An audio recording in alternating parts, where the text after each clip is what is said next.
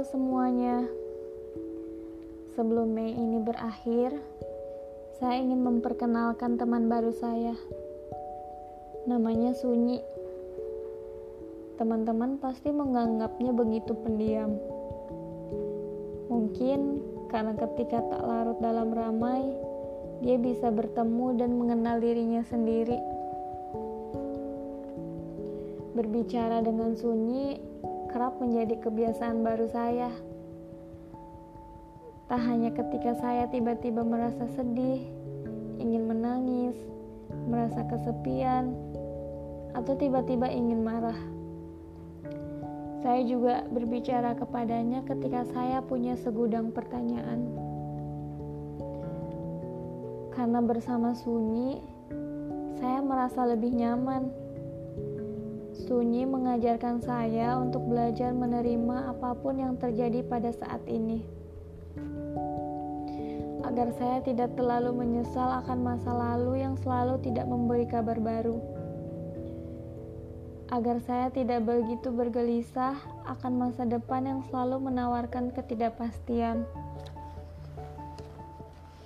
Sunyi juga sering berbagi pada saya tentang menerima rasa sedih karena patah hati.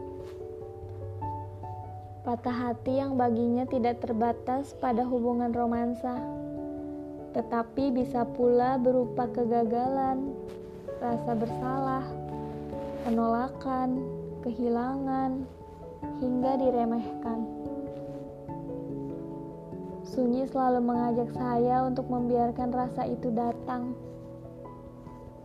dan membiarkan pula rasa itu pergi.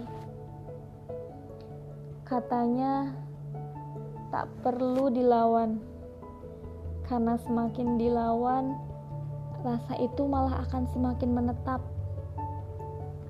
Katanya pula, kita tak perlu untuk larut menikmatinya, karena kita bisa terjebak dalam drama. Kita terbiasa menganggap rasa sedih sebagai sesuatu yang buruk Rasa sedih kita simpulkan sebagai penanda bahwa kita adalah orang yang gagal. Sehingga kita pun jadi mengutuk diri kita sendiri.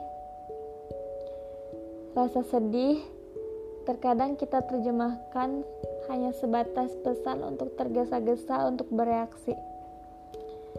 Dan di antara tiga pilihan aksi itu adalah untuk melawannya, melarikan diri darinya, atau mungkin kita memilih untuk mengurung diri dan menikmatinya. Setelah sekian lama kita terjebak seolah kita hanya mempunyai tiga pilihan reaksi itu. Namun, ternyata ketika kita bersedih hati, kita punya pilihan untuk berteman dengan kesedihan. Alih-alih kita sibuk menyalahkan. Bahkan ada yang saking terlatihnya berteman dengan kesedihan, berdamai dengan setiap perasaan yang datang, dia bisa lebih ramah kepada dirinya sendiri. Dia bisa lebih bisa menerima kekurangan dan ketidaksempurnaan dari dirinya sendiri. Dia akan lebih bahagia karena mungkin mengubah kebiasaan itu tidak mudah.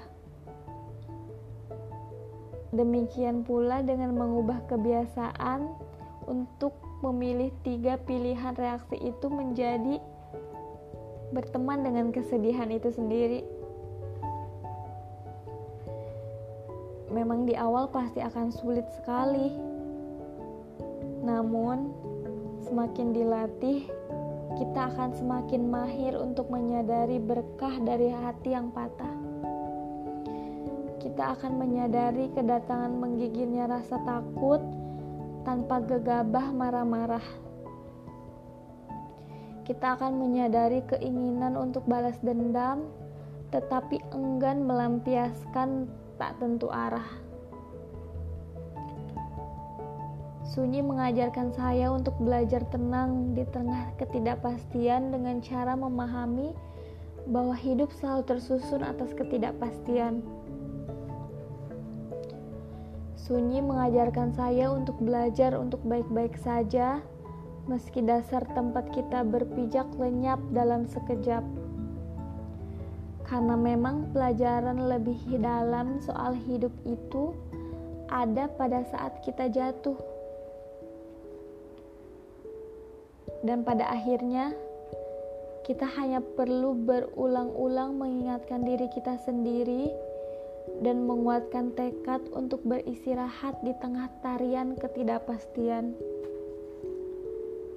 Di antara silih berganti jatuh cinta dan patah hati ya memang kita memang masih terus menerus untuk latihan. Terima kasih, teman-teman. thank you